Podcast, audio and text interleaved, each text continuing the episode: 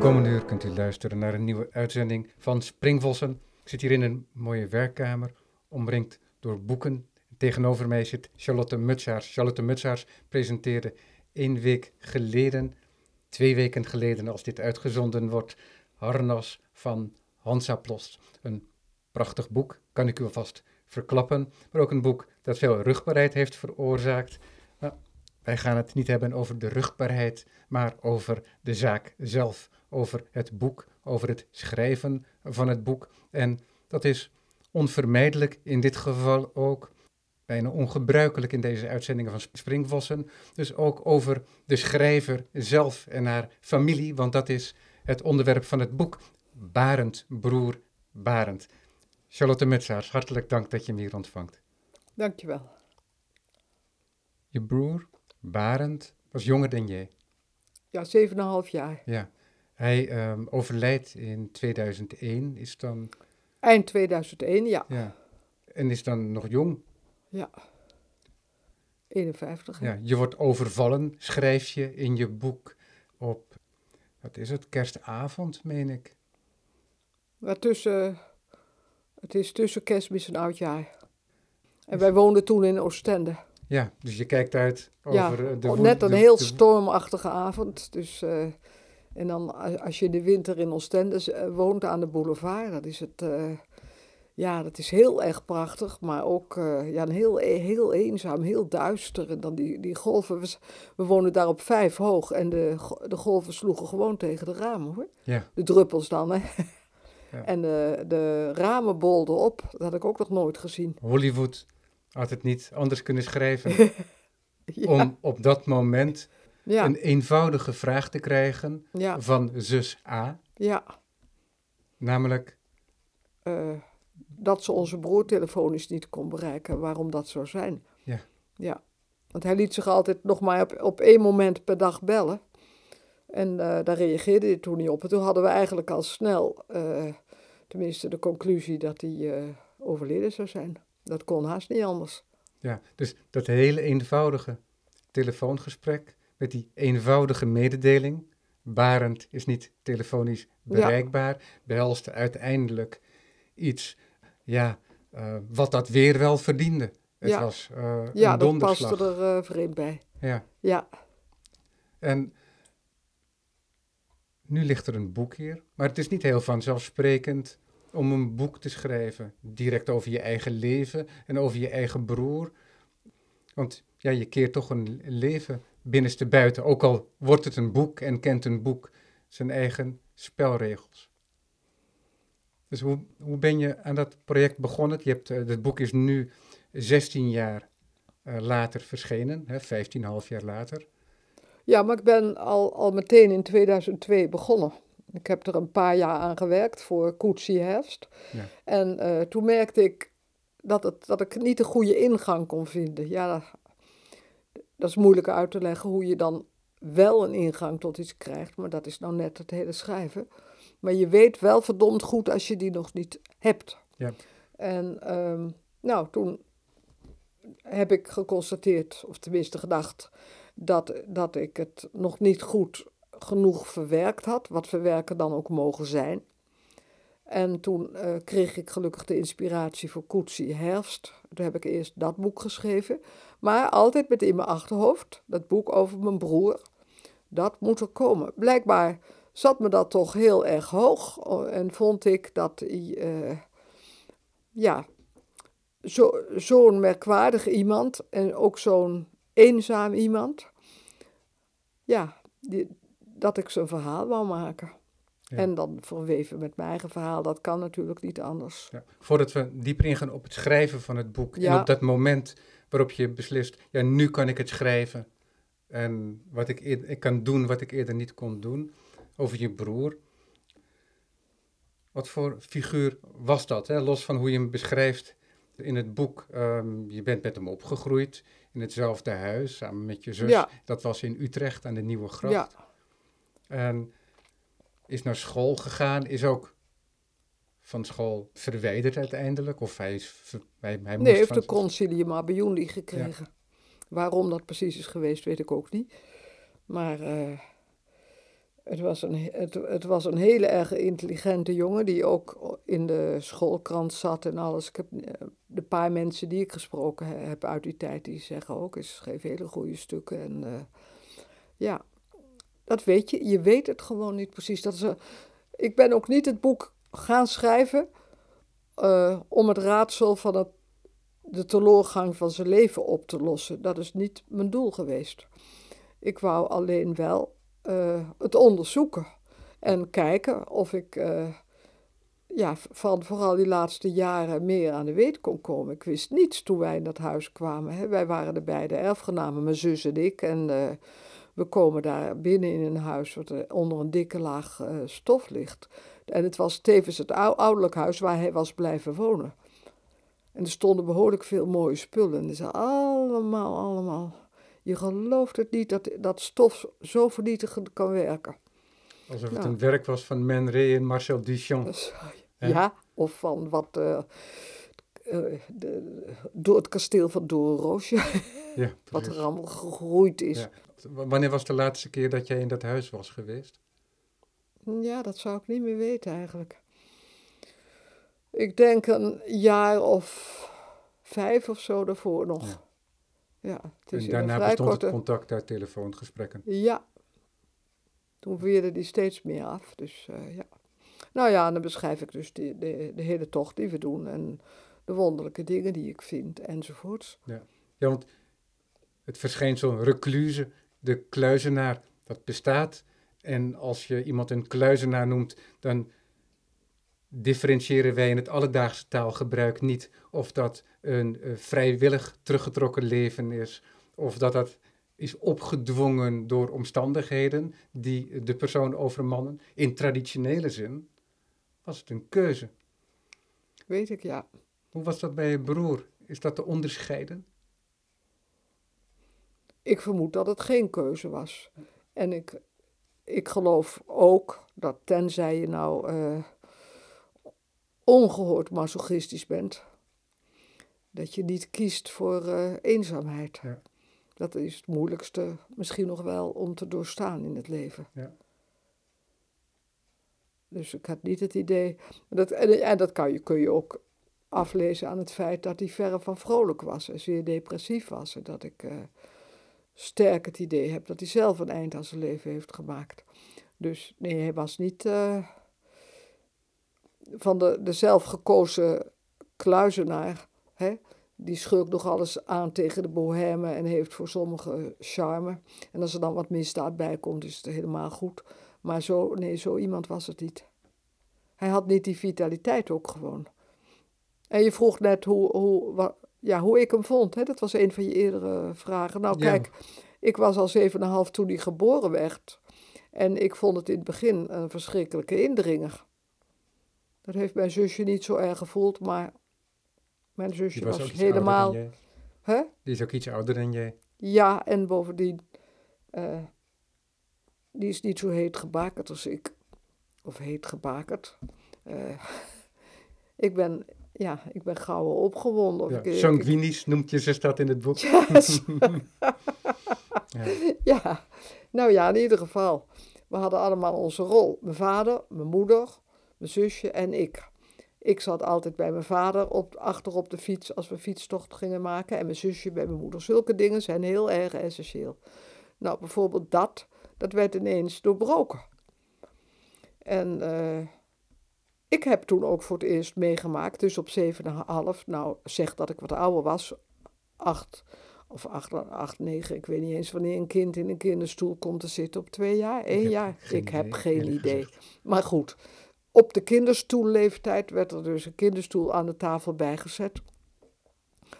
En toen heb ik gemerkt dat hij eh, alle aandacht trok. Wij hadden altijd, mijn ouders, met hoe klein wij ook waren, we waren toen de tijd dus, eh, zal maar zeggen, ah, acht en elf jaar, altijd hele leuke gesprekken met mijn ouders aan tafel bij het avondeten. We werden ook altijd bij betrokken.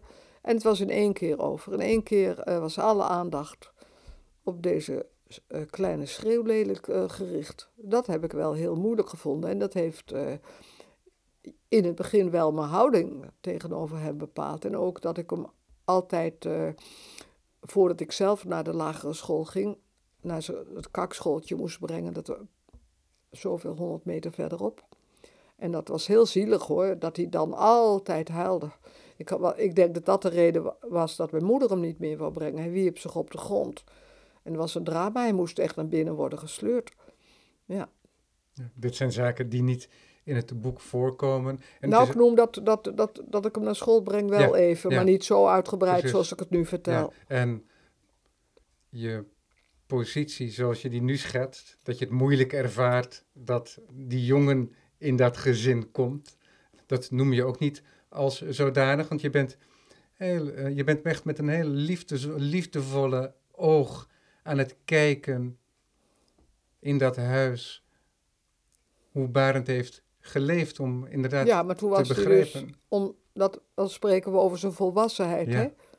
Ja. Toen hij dus tot de jaren des onderscheids kwam, zal ik maar zeggen, was hij steeds boeiender.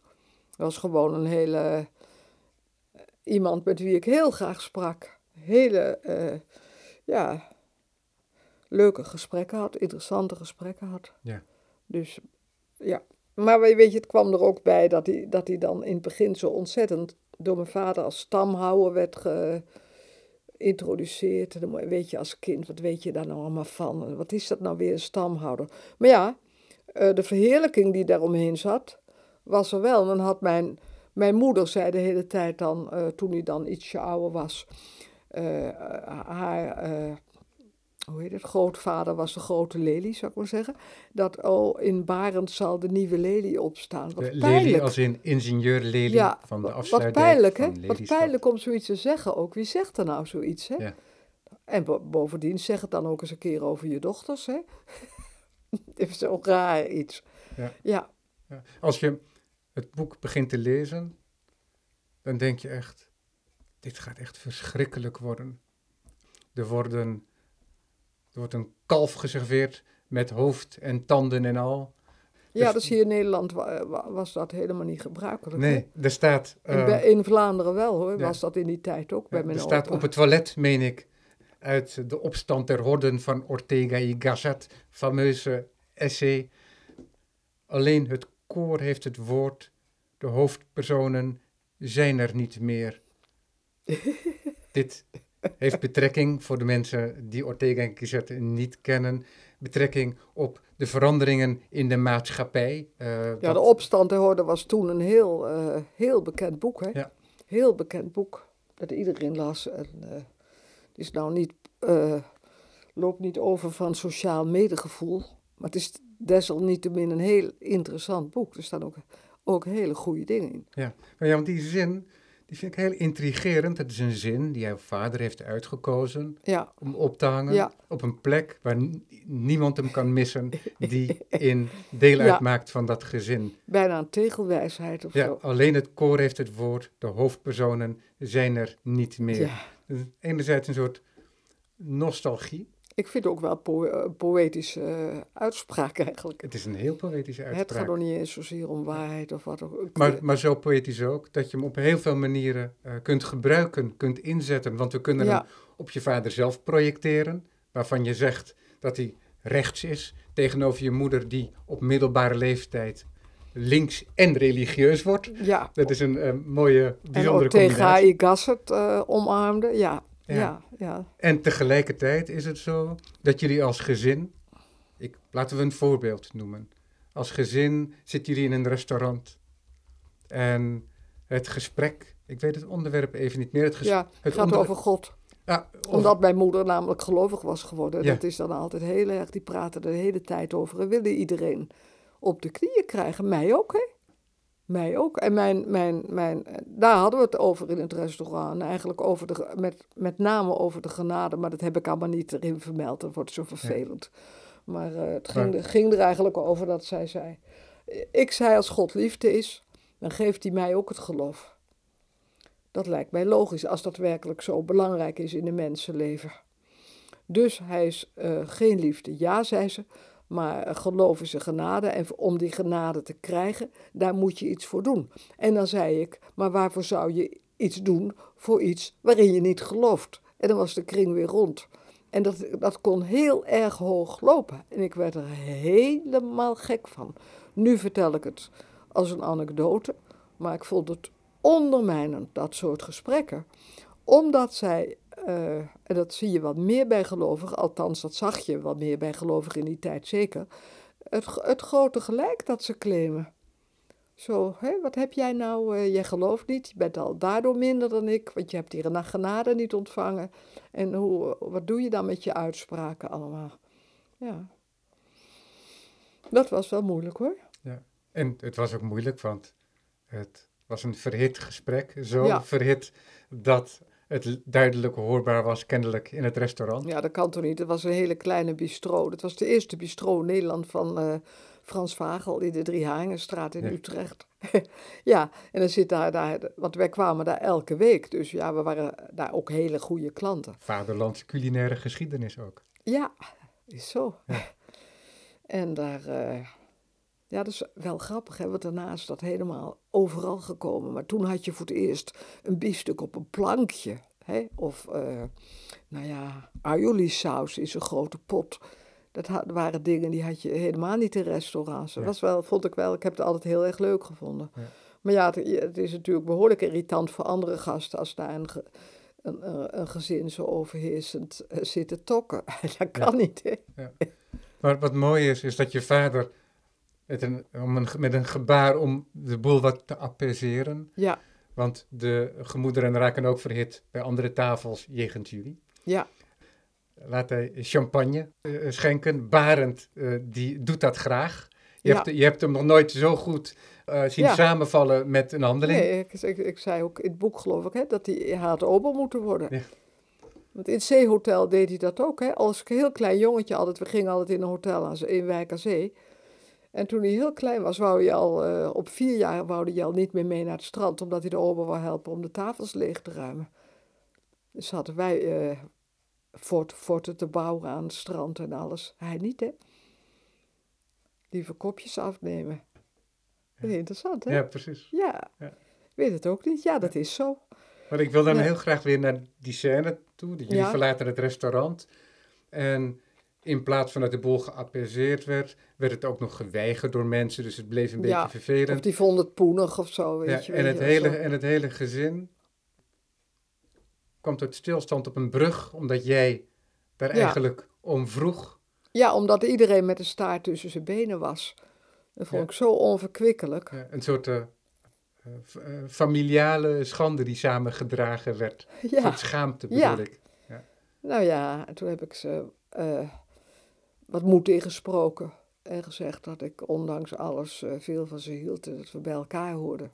Ja, en die hele omineuze tekst van Ortega y Gasset. Alleen het koor heeft het woord, de hoofdpersonen zijn er niet meer.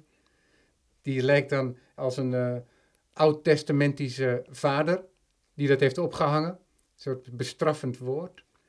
en uiteindelijk kun je die zin ook op die manier lezen dat die man die in de maatschappij staat en op een bepaalde manier zegt zo van ja, dingen zijn niet meer.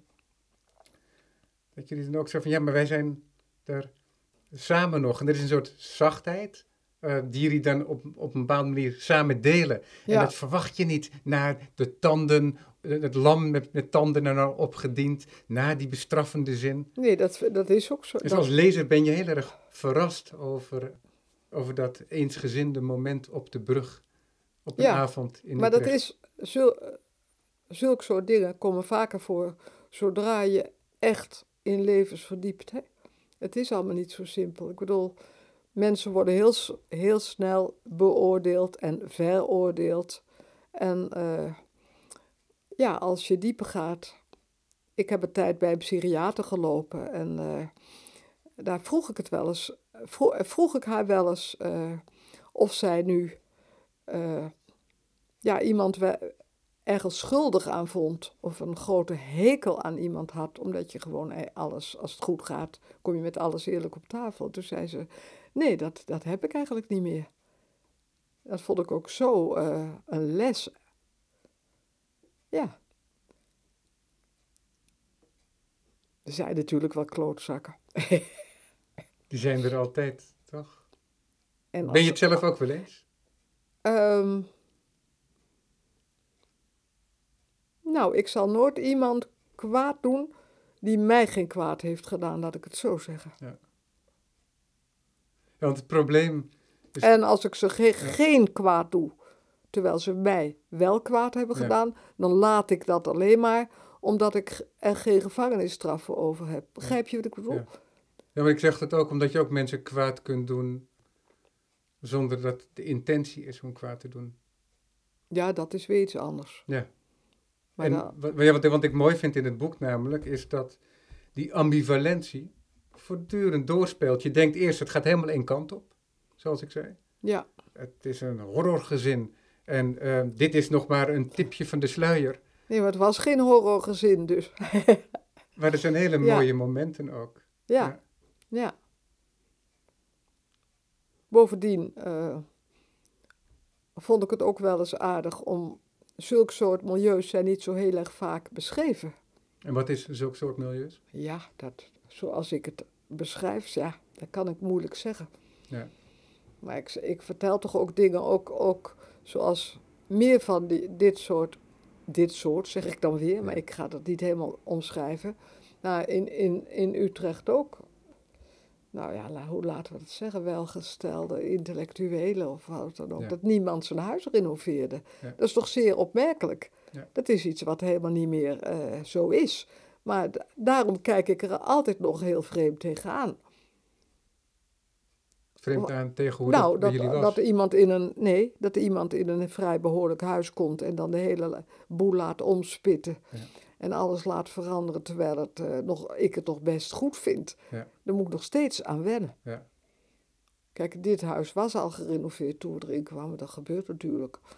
Maar eh, er gaat heel, heel veel verloren aan oude huizen als je dat op die manier doet. Ja. En in die huis, ja, in die tijd, eh, al die mensen eigenlijk op de Nieuwe Grachten, Kromme Nieuwe Gracht en zo, die, die deden, ja, die knapten, wat, lieten wat opknappen door een timmerman of zo. Begrijp je? Het is een heel iets anders dan niet dat rigoureuze eh, verjagen van de huisgeesten. Ja. De laren en de penaten eruit Ja. mieteren. Ja, precies. Ja, Ja, dat de- de gebeurde niet. Dus neutraliseren. Ja. Hmm. De hond die, die krabbelt aan de deur. Ik hoor het niet helemaal goed. Nee, Ja. En je broer, die heeft uiteindelijk niet in het spreekwoordelijke Ortega y Gasset koor gezongen, maar hij is ook geen hoofdpersoon geweest, zou je kunnen zeggen. Misschien niet eens van zijn eigen leven, maar wel van dit boek. maar wel van dit boek. ja. Ja, want, de- want dat is ook wat er gebeurt inderdaad, wat Ja. je nu aangeeft. Ja, Je broer, die krijgt een plek in de wereld die hij nooit heeft gehad. Ja. We, we zien Hannas van Hansaplast overal. Als je in het stra- op de straat loopt in Amsterdam, zien we op de voorkant van het boek over de titel heen. Wat dat heel- vind ik ook heel wat geweldig. een hele mooie eh, vondst is van de ontwerper. Ja, eh, heel mooi kaf. Een poppetje, een mannetje van Hansaplast. Samengesteld van stroken van het ouderwetse, van een ouderwetse pleister. En dat is een poppetje, ik weet niet of het exact dezelfde is. Ja, dat is exact dat poppetje. ja, die jij aantrof Ja. op de zolder van het ouderlijke huis. Die zolder Ja. die tot dan, na het overlijden van je ouders, werd bewoond door Barend. Ja, althans, eh, de achterste kamer Ja. ervan. Daar was een eh dienstbodekamer. Maar die zolder verder, eh, die, die kamer was trouwens e- eerst van mij. Dat was mijn meisjeskamer. Maar het was verder een, eh, een, immense zolder. Ik bedoel, meer dan, eh, veel meer dan 100 vierkante meter. En die helemaal vol stond met, met kisten en manden en, en slaapkamerameublementen en, enzovoort, die mijn vader weer van zijn ouders had geërfd. Ja, en gewoon maar op zolder had gezet. Ja, En dan loop je opeens, je hebt natuurlijk een getraind oog ook, dus jij bent iemand die ook een nieuwsgierige blik heeft, niet alleen een nieuwsgierige geest. Dus jij zag meteen iets zo van, hé, daar moet ik Ja, dat zag letten. ik. En eh, dat mannetje, en vooral omdat er met een viltstift ik ondergeschreven stond, dacht ik. Maar dat is een, eh, eigenlijk een triest zelfportret. Ja. En wat heeft, het gaat door je hoofd, hè? Wat, wat, eh, wat heeft hij erbij gedacht? Ja, dat kan ik natuurlijk niet, dat, dat, dat zul je nooit achterhalen. Maar het is al aardig om je daar vragen bij te stellen en te kijken eh, hoe, ver- hoe ver je kon, kan komen. Ik haal in het begin van het boek ook een, eh, een stuk van Amerikaanse filosoof Nietzsche aan. Hè? Die vertelt over eh, de vleermuis. En die zegt, we kunnen alles van een vleermuis onderzoeken. Allemaal hoe het werkt en eh, hoe die ademt en hoe die zijn radar, radartje werkt en alles. En dat is heel grappig. Maar, zegt hij, we zullen nooit weten, met wat voor wetenschap ook, hoe het van binnen voelt om een vleermuis te zijn. En dat heb ik me steeds in mijn hoofd gehouden. Hoe zou het geweest zijn om van binnen te voelen? Hoe het is om barend te zijn? Daar ik nou juist precies daarna zo'n nieuwsgierigheid. Hè? Nou ja, dan, dan, dan, dan kan je, kan je ja, je eigenlijk alleen maar op de sporen richten en te hopen dat je er een klein beetje eh, achter komt. En nou had hij, eh, had ik het geluk dat hij alles wat hem inviel op kleine kattenbelletjes schreef. Wat ik me heel goed kan voorstellen als je alleen, helemaal alleen op de wereld bent. Om toch een soort, ja, om het in taal voor te geven, eh, Ja. vorm te geven, opgeschreven. Het waren bevestigende zinnen, allemaal bevestigende zinnen, maar wel met een vraagteken. En jij zegt daarop, wanneer je een tweede reeks briefjes citeert, die, dan zeg je ook, hij heeft bijna een nieuwe soort literatuur Ja, uitgevonden, een Ja. nieuwe manier van schrijven. vind ik ook. Omdat als er maar genoeg van dit soort zel- zelfbevragingen zijn, die ook nog eigenlijk zonder inversie worden opgelepeld, eh, ja, dan krijg je een, een, een kijk- dan krijg je een regelrechte kijk in iemands hersens, bijna. Ja. Mag ik je vragen om er een paar voor te lezen? Ja, Lukt dat? dan moet ik even... Je bent op zoek naar je leesbril, hè? Ja, Is dat ver- vervelend? nou, nee, maar misschien onder de lamp gaat het wel. Ja. Ja, Naar eigen keuze natuurlijk. ja, ik wil even...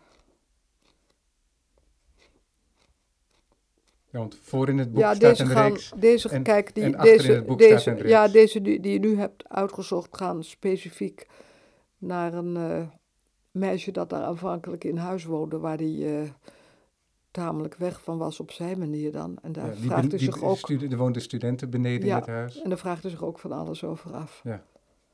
Maar dat zijn nog vragen, ja, dat kan je dan nog voorstellen. Ja. Of die, Ja. die andere, die zijn meer met de... eh,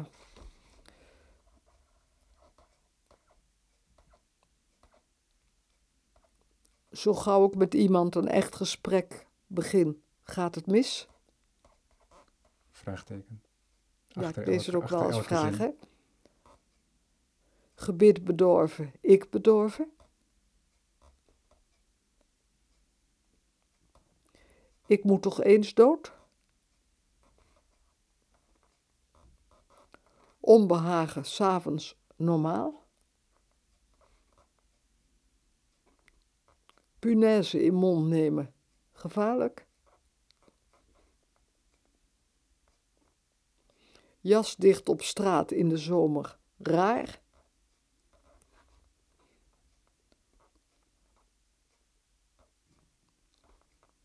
Kafka gedaanteverwisseling herlezen?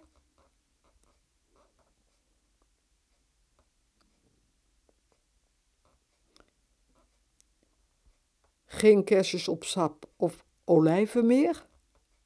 Tussen haakjes soms pit. Ja, dat gaat nog. Dat gaat. Boeken over verliefdheid kopen. Ja, hij documenteerde zich bij alles heel erg goed. Ja, ja schrijnend is dat, hè? Ja, schrijnend, hè? Ja. Ook over het tandbederf. Hè, omdat hij dus een verwaarloosd gebied had. Al die proefschriften die ik daar aantrof over de waanzinnigste tandproblemen en zo. Ja. Ja.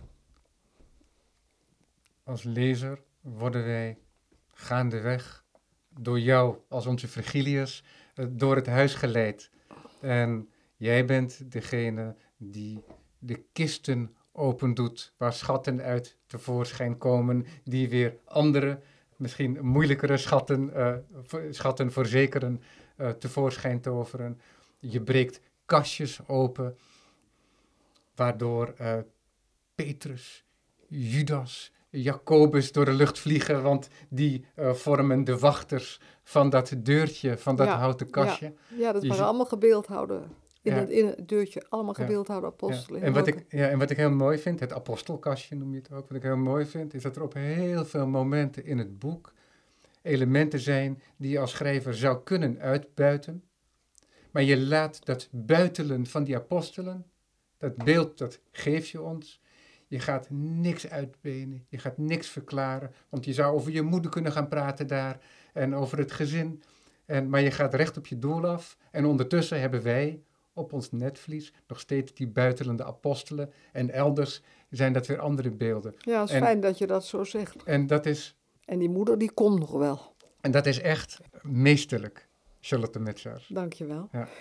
Daarvoor moet je je inhouden, denk ik, als schrijver. Ja, en dat vind ik ook moeilijk. Je ziet al die beelden ja. met al die mogelijkheden. Ja, dat kan je heel erg uitbuiten. Maar dan, ja, ja. Dat, dat en, dan, zo. en dan zou je iets krijgen wat dan met een hoofdletter schrijverschap heet. Ja, maar dat soort schrijverschap is niet het mijne. Ja, ja. waardoor wij heel dicht bij jou blijven.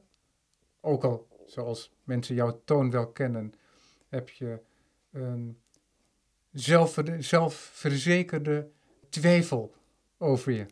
Dat is een mooie omschrijving, die heb ik nog nooit gehoord. Nou, omdat je, Ja. je bent, je bent uh, in, je, in je uitspraak, maar ook in je toon, in je, in je boeken, heb je een soort zekerheid, maar tegelijkertijd ook die kennis dat alles op losse schroeven kan komen te staan. Ja, dat is eh, echt wel een heel groot Ja. thema, hè? Ja, Wat uit je- dit zo- boek opronkt, hè? Dat heb je, ik ook, ja. heb ik persoonlijk ook. Dat ik Ja. denk, er hoeft maar iets te gebeuren en, en je, je leven stort helemaal in. Ja. Want je kent mezelf ook. En dat deed me zo aan Kafka denken.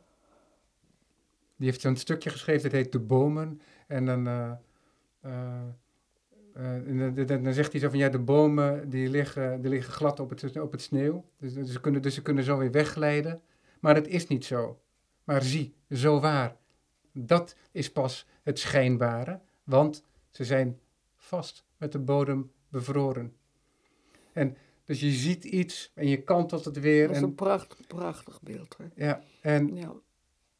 En dat is ook wat jij voortdurend doet. Je, je, je denkt je bepaalde je broer te kennen, maar tegelijkertijd weet je ook dat hij je ontgaat. En hij blijft ons ook ontgaan. Ja. En je deelt eh, die zoektocht. En het is een soort spel van verstoppen en weer tonen. Zoals hij bevestigt in zijn schrijven. En tegelijkertijd is dat ook altijd weer een vraag. Want het is voor hem misschien ook een raadsel waarom zijn eigen leven. Dat is het misschien voor ons allemaal, maar hij heeft weinig om zich aan vast te houden. Hoe studieus hij ook kennelijk is. ja, dan heeft hij toch, nou ja, gezien het feit dat hij echt alle boeken helemaal doorkrast heeft met uitroeptekens en kruisen en onderlijningen, las hij wel heel grondig. Hij las heel veel en heel goed. Ja. Dat, eh, En daar sprak je ook met hem over. Ja, ja. Ja, dat, nou, enorm. Ja. Dat vind ik ook mooi eigenlijk wel, om, om, een, om een boek als gebruiksvoorwerp te zien. Het is Ja. ook een, gebruik, een, goed boek, is een gebruiksvoorwerp om te leren leven. Ja. Zo zie ik het ook. Ja. Dus als iemand eh, in mijn boek zou krassen of, of, of vouwen, alleen maar prachtig. Ik wilde je nu eigenlijk de vraag stellen: wat maakte dat jij op een bepaald moment wel dat boek kon schrijven. Maar ik zie tegelijkertijd ook die kleine notitie.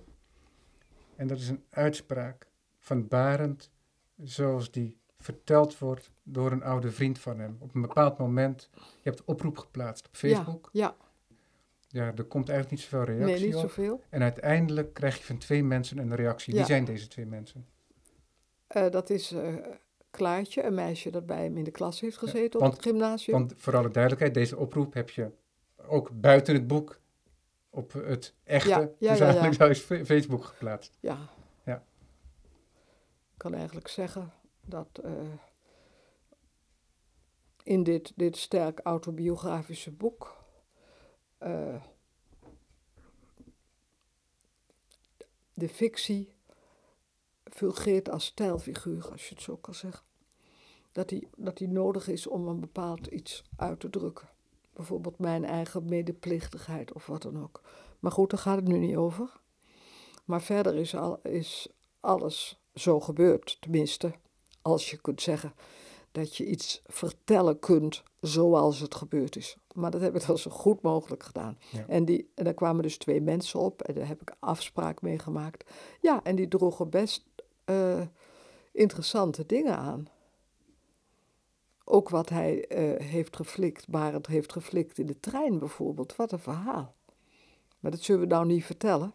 Dan, nee, Nee, maar ehm, zonder alles uit het doek Ja, te doen, dat- dat is het wel zo dat Barend doet iets op reis eh, terug vanuit het Waterloopplein. ja, En de vriend is gechoqueerd door het handelen van Barend. Want wat Barend doet, is iets wat je alleen maar in noodgevallen doet.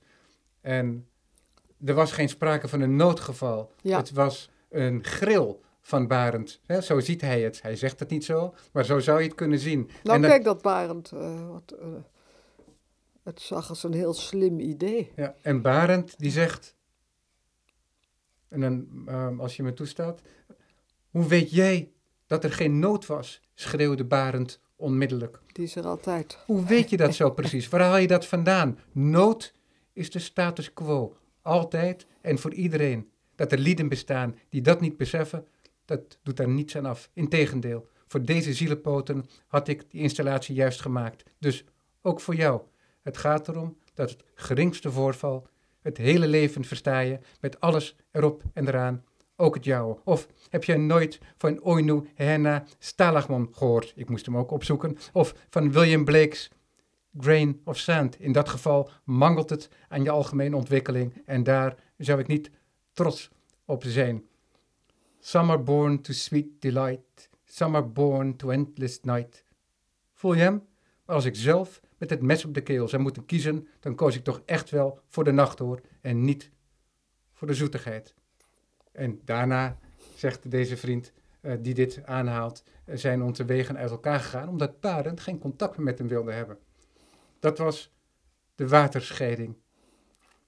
Want er was iets in zijn handelen en het was geen gril, maar het was nood. Het is alsof er een kunstenaar Aan het En- woord. en ook een performance heeft gedaan. Eigen- eigenlijk wel, hè? Ja. En, ja. Maar zo Ja. één die, zoals Paul Valéry eh, ook laatst aanhaalde, dat het spel eindeloos serieus is. Dus het was geen grill, het was Terwijl geen wij spelletje. juist allebei een hekel aan spel hadden, hè? Ja. Je kan natuurlijk ook zeggen, spel is eindeloos serieus, maar wij hadden gewoon een hekel aan spel, allebei. Ja. Vanwege de regels. Ja. Maar als je, als je zelf de regels gaat bedenken, is het wel even iets anders. Maar, Maar dan is het, dan is het geen spel meer. Er was geen spel van hem. ja, was maar- geen spel. ja, want het bijzondere ook is dat de verklarende woorden hier van de vriend, die een tip van de sluier oplicht Ja. van zijn vriendschap en wat er gebeurd is, Ja, dat dat uiteindelijk het raadsel weer vergroot. ja, Want we zien weer een nieuw beeld. Dat van wat ik dan zojuist eventjes, maar dat moet je me maar vergeven, de performance van Barend noemde. ja, Want dat was een existentiële performance. ja. Want Barend zegt noodzaak was. Is status quo. Ja. Nood is status quo. Ja. ja. En dat is zo'n indringende passage reden waarom, ik, waarom we het gras niet wegmaaien en waarom we het niet helemaal uit de doeken doen. Ja. Maar dat is wel als voorbeeld voor hoe, dus misschien ook voor jou, maar in ieder geval voor mij als lezer, hoe deze Barend altijd weer een raadsel blijft. Hè? Dat de ander principieel onkenbaar blijft. Ja.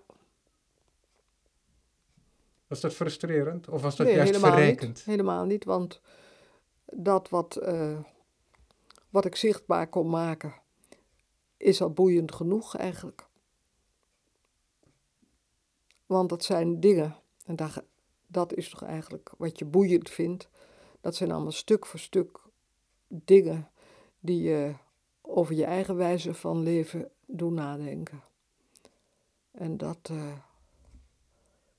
ja, dat kan niet beter zijn. Dat is eigenlijk belangrijker dan dat je nou precies alles van iemand weet hoe die van binnen functioneert. Hij, hij, heeft allerlei dingen door zijn bestaan aangereikt. Uh, ja, die je, die je over je eigen dingen laten nadenken.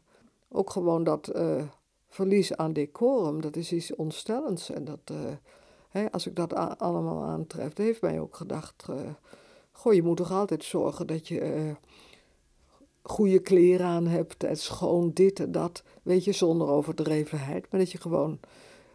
dat vond ik al als, als, als kind zo'n enge term, verlies aan decorum, als ik dat hoorde ergens... Dat werd vrij vaak gebruikt. Ik hoor het nu niet zo. Ik hoor het niet vaak zeggen nu. Ja. Of iedereen loopt er heel goed bij. Ja, iedereen heeft in ieder geval zijn wenkbrauwen op orde tegenwoordig. maar ja, maar toen was dat toch een, uh, iets wat zeer vaak genoemd wordt. Met die en die gaat het niet goed, want hij heeft decorumverlies. Hoor je dat wel eens? Nee. Volgens mij niet, hè? Nee. Maar daar ben ik mee grootgebracht. Ja. En zei net met je broer zien dat het helemaal een en al decorumverlies is. Ja. Dit was een heel indringende passage. Het was een hele indringende ervaring voor jou ook, het overlijden van je broer, maar ook die titanenklus om dat grote huis, rijk gevuld, om dat ook met enig beleid leeg te halen, zodat het op tijd opgeleverd wordt. Jullie hebben daar een periode van twee maanden voor. Ja, dat was niet te doen. Dus dat, dat, dat had ik alleen al een boek over kunnen schrijven, maar het was niet echt boeiend geweest. Alsof Nicolas Boileau zijn, uh, zijn regels had opgesteld uh, waar jullie aan moesten voldoen. Charlotte Mutsaars, dit stuk bevat twee maanden, begin en eind, en daarin moet het plaatsvinden. Ja. ja. Want dat is ook tegelijkertijd die speurtocht die je later met ons bent gaan delen. Je bent het gaan opschrijven en je bent het gaan delen. En het lijkt een heel zwaar boek, maar tegelijkertijd zijn er, zitten er ook juweeltjes in die licht sprankelen. Zoals een jonge Charlotte Mutsaars die van haar vader vanaf het balkon leert fluiten. Vrouwen nafluiten. Dat is merkwaardig als je dat aan je dochter leert, hè? Hij zei echt zo, zoiets van, kijk, ik heb een leuk trucje. En er was lente en er kwamen dan uh, allemaal vrouwen in blouses langs, waar je zo van bovenaf in kon kijken. En dan uh, floot, floot hij heel hard. Ik begreep, begreep het afhankelijk ook helemaal niet, hè. En uh, nou, ik zal een jaar of tien zijn geweest. En dan keken ze lachen zo schalks naar boven en zo. Dat, nou, ik dacht, dat is grappig als je dat alleen doet fluiten. Nou, dan zei hij, nou jij. Dan lag ik op mijn buik op het balkon. Ik voelde het warme zink nog aan mijn benen en alles. En dan floot ik en dan lukte het mij ook. Maar ja, dan had je die, die blikken moeten zien van die vrouwen. Als ze dan een mei, zo'n meisje zien. Je, ja, je gaat toch wel een beetje af dan of zo. Dus daar had ik erg groot plezier in, ja. Ja, is gek hè, om je dochter te leren. Leren ja. die me allemaal van die regels over. Ja. Uh, als van uh, tra, uh, trouw nooit een vrouw in de zomer. En zei hij tegen mij als meisje, weet je wel. Trouw nooit een vrouw in de zomer. Dus dat, moet, dat, dat is een van de beste regels, want dan zien alle vrouwen er heel aantrekkelijk en mooi uit. En eh, het wordt nog niet winter of alles is verdwenen. Weet je? Zulke dingen. Maar ja, ik was wel zelf een vrouw, hè? daar ga je er wel over piekeren. ben je dan maar een paar, paar maanden per, eh, per jaar aantrekkelijk? Nou, dan zou je wel in die maanden inderdaad iemand moeten vinden, weet je. Je gaat er toch over nadenken. Ja. En dat is diezelfde vader die nadat jij terug bent gekomen van de plaatselijke grutter en je komt terug. Groenteboer. Je komt, je komt Ja, de groenteboer en ja. je komt terug met de bijvangst. Zo van, oh, als je dat gaat halen, eh peterselie, eh, haal dan ook even wat aardappelen. En je kwam alleen terug met de bijvangst, als het ware, met de aardappelen. En toen was je de peterselie vergeten. En je vond het te gênant om terug te gaan. Dat la- wat, wat hij dan doet, moeten ze maar lezen. Dat moeten mensen maar lezen. Maar dat is, Dat was wel van opvoedkundige kracht. dat is verbijsterend.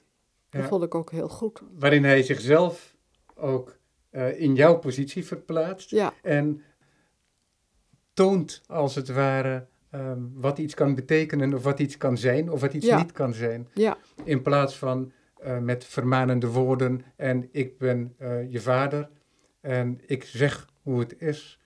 Dat Nee, heb je maar te accepteren. Terwijl die toch wel heel autoritair was. Maar hij had altijd dat, dat, dat soort dingen eigenlijk ook. In zijn, in zijn gedrag ook. Dat zat er heel sterk in. Je moet je nooit, als je mensen geen kwaad doet met je handelen, dan moet je je nooit schamen voor je, voor je gedrag of je voorkeuren of je meningen. Ja. Dat is wel heel, eh, ja. En omdat veel mensen dat wel doen en niet zo onbevangen voor al die dingen uitkomen. eh, sommige mensen vinden dat leuk aan mij en andere, bij anderen wekt de tegenstand op. Doordat je zoveel dingen naast elkaar stelt, want het, is, het boek is rijk met prachtige verwijzingen naar onder andere literatuur. Zo is er op een gegeven moment een gesprek over de muur. Een verhaal uit de muur van Jean-Paul Sartre. En dat verhaal heet De Kamer. En jullie zijn het erover eens dat dat toch ook echt aan Barend doet denken. Dat gaat over een man die leeft opgesloten in een kamer en hij leeft in dat huis. Die kamer is van hem. Dat is zijn gebied. Daar is zij te gast. En zij is dan zijn jonge bruid. De ouders van de jonge bruid maken zich grote zorgen. De vader is net langs geweest. En ze weet dat haar man, Pierre heet hij, meen ik, eh, dat hij steeds verder zal vervallen en dat hij op een gegeven moment opgeslokt wordt. Hè, de omnachtung, zoals dat in het Duits zo mooi heet. Maar dan zegt zij voor zichzelf, terwijl zij haar lippen nader brengt aan zijn hand, staat er dan, Ja, mooi hè? je te Ja. tuerai avant. ja, Ik, zou je ik doden zal je doden voor het zover is. Ja. Voor het zover komt. ja. En dat is ook weer zo'n zin die zichzelf vooruitwerpt en verbreidt in dat boek. En dat, ik kan me voorstellen dat je tijdens het schrijven van het boek, dat je, je alles weer tot leven wekt. Als er al zoveel voor mij oplicht uit het boek. Het klingelt, het barst, het kreunt. Hoe is dat voor jou geweest? Ja, Ehm, heel enig. als je, Omdat je alles weer Heel enerverend hè? haalde. En eh, je staat ervan versteld als je in zoiets allemaal helemaal ten volle werpt, hoeveel het proces zelf dan weer oplevert. Het wekt het op. Zoals het komen op oude plekken al sowieso veel eh, herinneringen opwekt die je vaak had doodgewaand. Hè? Dat, dat, dat gebeurt gewoon. Dus het was een hele enerverende en vaak droevige bezigheid, maar ook erg opwindend hoor. Ik vond het een, eh, eh, een avontuur om dit boek te schrijven. Een moeilijk avontuur, maar wel een avontuur. Waar bestaat dat avontuur uit? Wat zijn de karakteristieken daarvan? Nou ja, de, de, de, de, talloze eh, verwarringen die je overvallen over wat goed leven is. Hoe dat moet eigenlijk. Los van de, de concrete herinneringen die allerwonderlijkst waren, hè, die ik vond. Maar dat, zijn toch de, dat is toch wel de hoofdvraag, denk ik. Ja. In allerlei gedaantes dook die steeds weer op. En dat boek, dat haal dat overeind. Via dat boek, door te schrijven aan het boek, breng je jezelf als het ware op dat onzekere terrein. Hè? Je brengt Ja. jezelf als het ware in gevaar. Eigenlijk wel. Je, je brengt jezelf in nood, om Ja. die term te gebruiken in zekere zin. Maar dat doe je natuurlijk ook altijd al als je een eh, kwetsbare dingen opschrijft. Ja. Dat, is, dat is nu een keer zo. En is dit dan anders, in zijn geheel anders, dan bij een boek dat geheel uit jouw hoofd en jouw ervaring met de wereld tevoorschijn komt en niet per definitie uit het persoonlijk leven? Ja, dat denk ik wel. Want kijk, ehm, natuurlijk karakteriseer je je daar evenzeer in. Maar, ehm, nou, het is, ja, hoe moet ik dat nou zeggen? Het is toch anders, ja. Want het Ja. boek dat jou in die onzekerheid brengt, is tegelijkertijd ook instrument om er weer greep op te Ja, krijgen. ja. Dat is ook weer En geeft dus in die zin zekerheid ook weer. ja, bijvoorbeeld zekerheid over je eventuele schuldgevoel, wat toch af en toe opduikt. Heb ik het wel goed gedaan? Hadden we niet, nadat hij ons zo raar had behandeld, toch meer tegemoet moeten komen of wat dan ook? Of, weet je, maar dat heb je altijd hè, natuurlijk al, als iemand overlijdt in je omgeving. Maar ja, bij hem toch wel sterk. Ja, en de grote opdracht ook om van je broer geen verhaaltje te maken. nee, daar, daar eh, Probeer Ja. daar maar eens aan te ontkomen. ja. Is dat een probleem geweest of ging dat vanzelf? Dat, dat, Nou, had ik dat, je, daar, dat je die kliffen Nee, dat ging niet vanzelf. Ging niet vanzelf. Daar heb ik duidelijk. eh, eh, ja, mijn wil is mijn wil gehad. En ik heb het daarover, want het, zulke dingen vind ik inderdaad heel erg belangrijk. Die vormen altijd een probleem. Eh, heel goed kunnen praten met mijn nieuwe uitgeverij, met mijn, met mijn eh, redacteur daar. Dat mag. Ja, daar ben ik dus eh, eh, ongelooflijk bijgedragen aan mijn werklust en aan dat het, dat het goed ging. Daar heb ik bij, ja, dat heb ik nog nooit zo in mijn leven ervaren. Dan moet je nu, zo- Echt waar. ja, Want je schrijft toch al een tijd. ja, maar dat kan ik echt zeggen, ja. Maar ze, dat mag bestond al die tijd niet, hè? Ja, is dat echt zo anders? Ik zeg het. Wat mooi.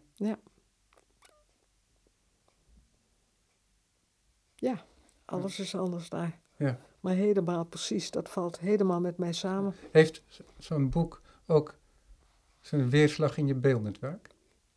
Ik, eh, ik, ben, ik heb eh, tot mijn veertigste als een leeuw geschilderd en getekend. Ja. En les gegeven op de Rietveld Academie. Ja. Maar toen dacht ik, ik wil ook in mijn leven... Want ik, ik was eigenlijk op de middelbare school altijd wat schrijven. Hè.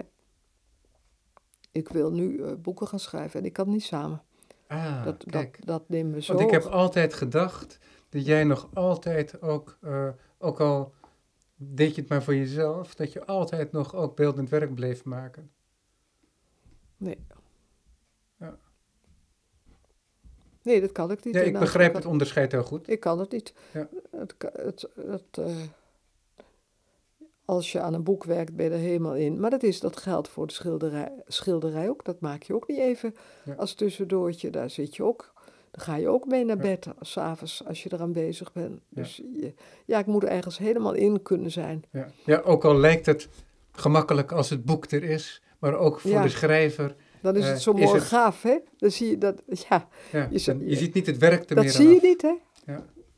Het zou eigenlijk een boek zo helemaal vol vlekken en dingen moeten zitten. Ja, dat wordt het, want ik ga het herlezen en ik heb het nu met plezier gelezen. Harnas van Hansaplast, van Charlotte Mutsaars, met wie ik de eer had om het afgelopen uur te spreken. Dankjewel, Charlotte. Dank je hartelijk en ik ben blij dat je boek er al heel beduimeld uitziet.